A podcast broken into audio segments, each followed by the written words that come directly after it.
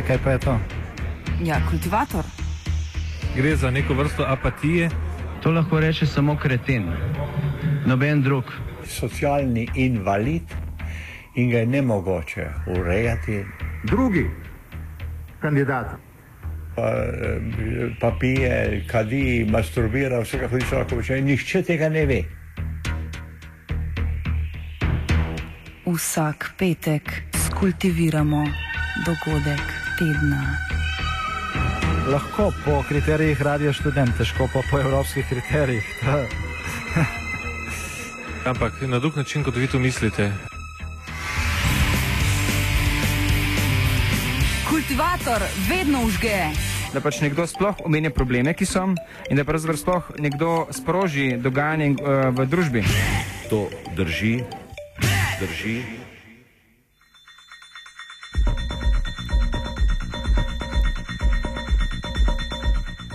Terminalovec Igor Vidmar je podalpsko dogajanje te dni naslovil: Bruhamo vsi, bruhaj tudi ti. Enako se pritiče širši domovini. Kilometr pred obalo Lampeduze je motor ladje s približno 500 begunci, pretežno iz Eritreje in Somalije, prenehal delovati. Da bi pritegnili pozornost, so zanetili manjši ogenj, ki pa se je razširil. Umrlo je 138 ljudi, 200 oseb še pogrešajo, približno 150 ljudi pa je nesrečo preživelo. Danes v Italiji tragedijo obeležujejo z minuto molka.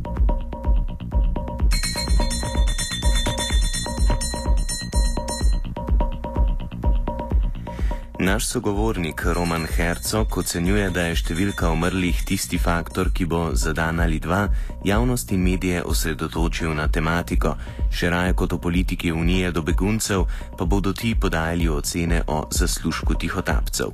Prejšnji teden je na italijanski obali izgubilo življenje 20 ljudi. Vsako leto v sredozemlju umre več 100, pogosto tisoč ljudi. Že približno 20 let.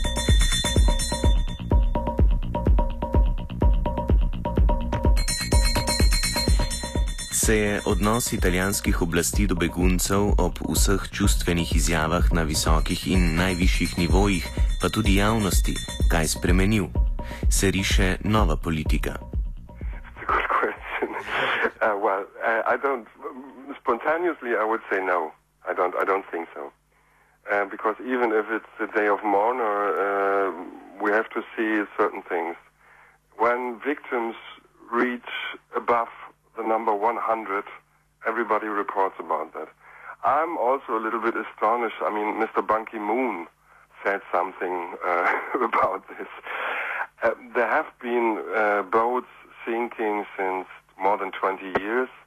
There have been people dying in one day, 500 or 700.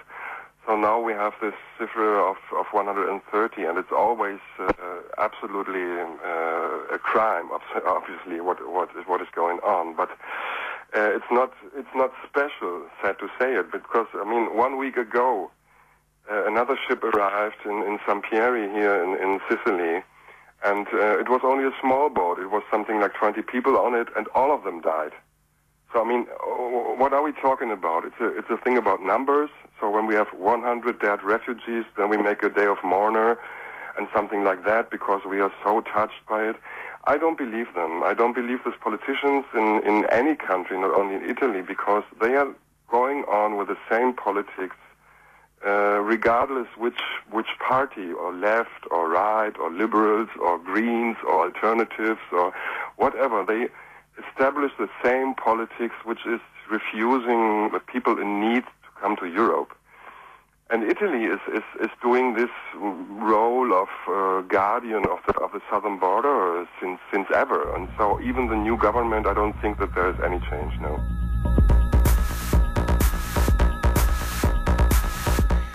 Roman Herzog, politolog in aktivist, že desetletje deluje na Siciliji, kjer se ukvarja z begunci na raziskovalni in aktivistični ravni. Mnogokrat se je poročalo, tudi zganjalo prepih, ko je bilo število umrlih ob nesrečah dovolj visoko. Se je kaj spremenilo? Uh, I've been doing documentaries on this topic since more than 10 years now. And that's why I also say there's there's no change because uh, when we see when I first made something about Lampedusa in 2004 or 2003, uh, it was the same situation. There were people dying. There were too many people dying. There were people in need. And European politicians, Italians, Germans, and so on, said, no, no, we don't want all these uh, people who only have hunger and who want to eat and who want to uh, go to a nice paradise. They can't come here like this. We have to stop them. It's always the same thing. So if we have, on the one hand, these refugees, so-called economic refugees, on the other hand, the the uh, so-called real refugees, uh, you know, recognized because they flee from from wars, from uh, civil wars or other traumatizing experiences. Um, it's difficult for them to come here, and they will not be allowed. That's the first thing. And this border policy was established not from one day to the other, but in the last 20 years. It was from 92 onwards that uh, Germany was guiding the communi- the communitarian, the European politics uh, around this theme. It was mainly German interior ministers who designed all this policy, and the other ones agreed. So, I mean, there have been some splits. There were some politicians from some countries, maybe the Scandinavian countries, which said, no, we cannot be so hard. We have to uh, admit that some people should come here. We have something like a right to asylum, and we have to uh, to keep it. But um, the main powers, which is Germany or Great Britain or France, but also smaller powers like Italy or Spain, uh, agreed on this thing. And so that it's, it's at least since 20 years that they established this policy, which once I call it, uh, the effects of it, it's a war. Yeah, it's a war going on because we have uh, tens of thousands of victims here in the sea, and we have another tens of thousands of victims in, in the uh, northern African countries, when we talk only about the southern border here, where people are dying. People are dying every day because of this politics of the European Union. And uh, or they die in the sea, or they die in the, in the prison in Libya, or they die on the route from, uh, from Sudan via Sinai to Israel, and so on and so on. And there is nothing and no politician who really tried to to design a different approach, a different policy, because a different approach would be to say, okay, we have people in need. These people have certain rights. We are part of the UNO uh, declarations which oblige us to uh, give shelter to these people. We shall manage and we should organize how to do it. Nobody talks about that. They just talk about we've got immigration, it's too much immigration, there is a problem, we have to stop them. And it's uh, what we see, people dying in the sea or other things, it's, it's the effect of that. Frontex, Evropska agencija za upravljanje in operativno sodelovanje na zunanjih mejah držav članic, je pred letom uradno priznala, da uporablja brezpilotna letala za nadzor meja, tudi beguncev. Kaj vemo o uporabi brezpilotnih letal? Nadaljuje Herzog. Yeah, it's, it's quite known so far right now, but there is no specific evidence because, like in other cases, uh, they make it in a way that you cannot have this evidence. No, Frontex is since uh, one year officially uh, exploring the use of drones as part of the European border surveillance and control, which means anti-immigration fight, as they call it also, anti-immigration policy. And uh, the use of drones is actually already done, that's true. And I know also that they do it in cooperation with the United States because always to see that in the Mediterranean Sea we have the military presence of the United States.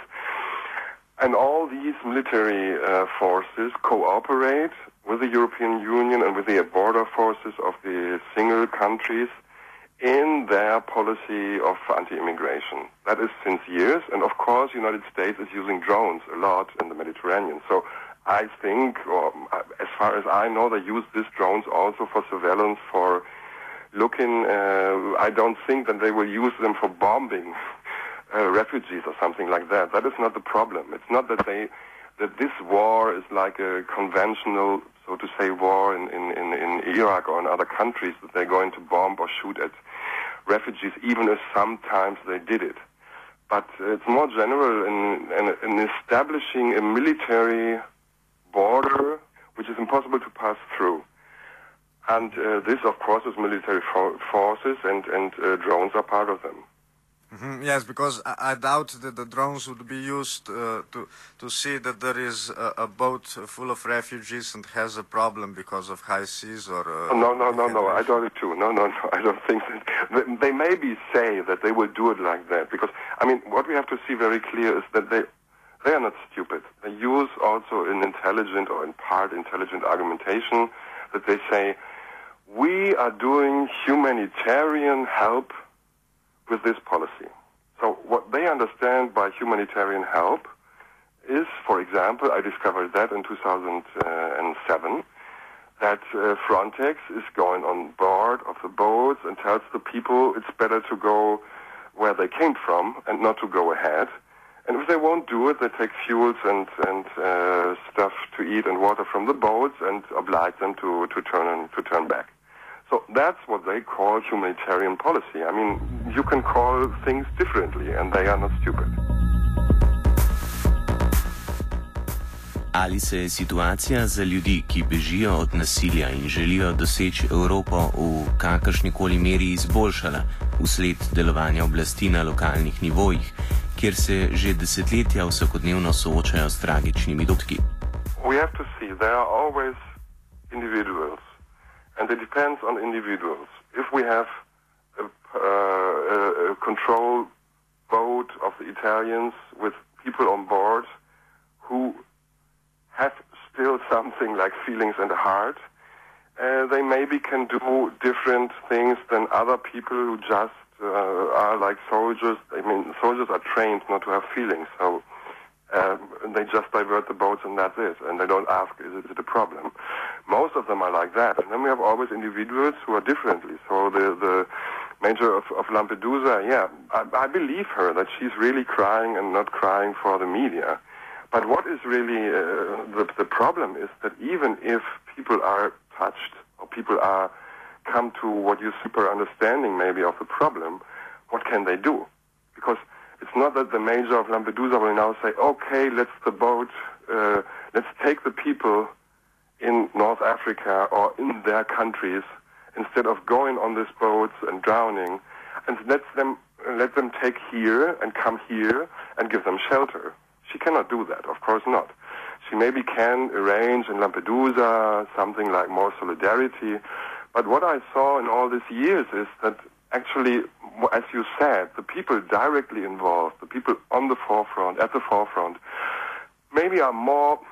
I mean, it's generalizing the problem, but maybe they are more human than than people who work in Brussels or in Warsaw, uh, in Warsaw, in, in uh, Frontex office, who don't, who, who seem only machines. I mean, these bureaucrats, these bureaucrats, and, and these politicians for me, as I see it, uh, I dealt so much with them, are like machines. They they are argumentating in a, all the same way, and uh, it's it's just speech, and there seems nothing to move them, even if you confront them directly.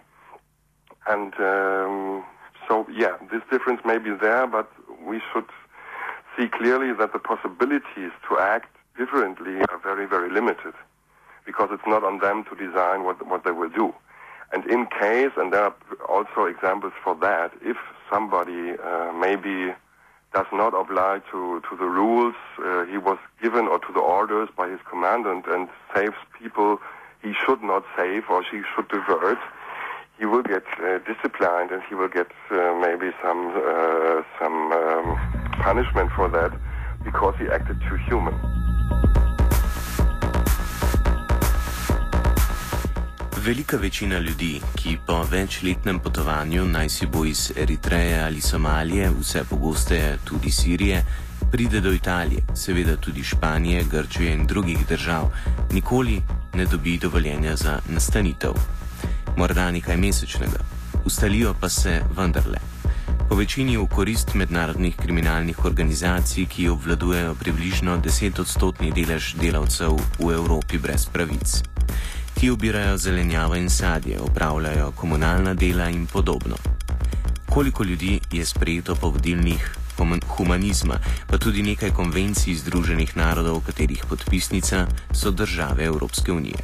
Properly handled, uh, I think I, no, I think nobody, because the first thing a refugee sees when he arrives in Sicily after coming from this traumatizing experience on the sea is a prison. Going into prisons, like in Greece or like in Spain or in all, every other country. And in this prison, because I say prison because actually they, these camps are prisons because they're surrounded by walls or by fences and they're controlled by military forces and police forces. They have to stay there. They can ask asylum. They get a first interview. If they don't ask asylum, people tell them that they should better go back. So it's this tricky policy of if you don't ask for it, I don't give it to you. So if you know your rights, you can uh, say, no, I want my rights. I've got the right to, to ask asylum. And then the procedure is starting. And this procedure can last uh, also one or two years. So we have people here, normally we can say after six months or seven, eight months, and uh, they don't have a permit or something. Mostly they get a permit for three months. Lucky ones who got asylum get a permit for one year or something like that and uh, but most of them uh, don't. And so these these are all the people who finish, who end up in in in, in this illegal circuits, let's say, of illegal economies in, in, in Europe, because we know that in all the fields, not only in Italy but also in Spain and Greece, uh, the people who are who are uh, working are actually immigrants coming from from other countries and don't having permits to stay. And uh, that's where we are neutering with this policy, and that's why I also think that the act, at the end, some politicians have designed this policy also very consciously, because it's a certain need, an economic need in Europe to have uh, 10% or maybe more of them population which is illegal to serve in this illegal part of the economy on which which is the basis for other economies and so on. So we always talk about money at the end. That's one thing. So people who really get attention and assistance and asylum and so on are first of all maybe more women than men, more children than adults, and only a little part of the people who need help. Because the people who are denied asylum, who don't get a shelter place, because after the six months they can transfer, for example, women who get political asylum into special centers where they get attention, where they get psychological assistance, where they will be integrated, they get Italian classes, they get uh, work permits, and so on. But these are only, I mean, we are talking about some dozens or some hundreds of people, but we are not talking about thousands of people who are arriving and who would, would theoretically have the right to do it or, or to, to get it. No? Most of them, Eritreans, Sudanese, Ethiopian people, and from other countries, don't get the permit and they end up in this illegal, illegal part of life. O večdesetletni praksi Evrope do beguncev je v pogovoru z Romanom Hercogom iz Sicilije kultiviral Jankovič.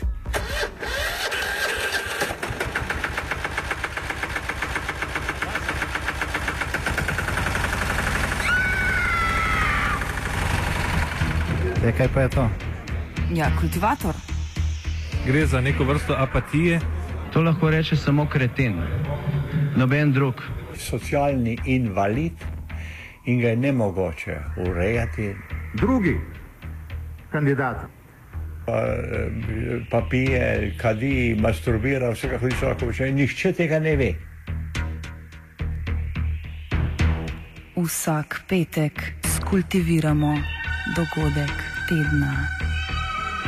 Lahko po kriterijih radio študent, težko pa po evropskih kriterijih.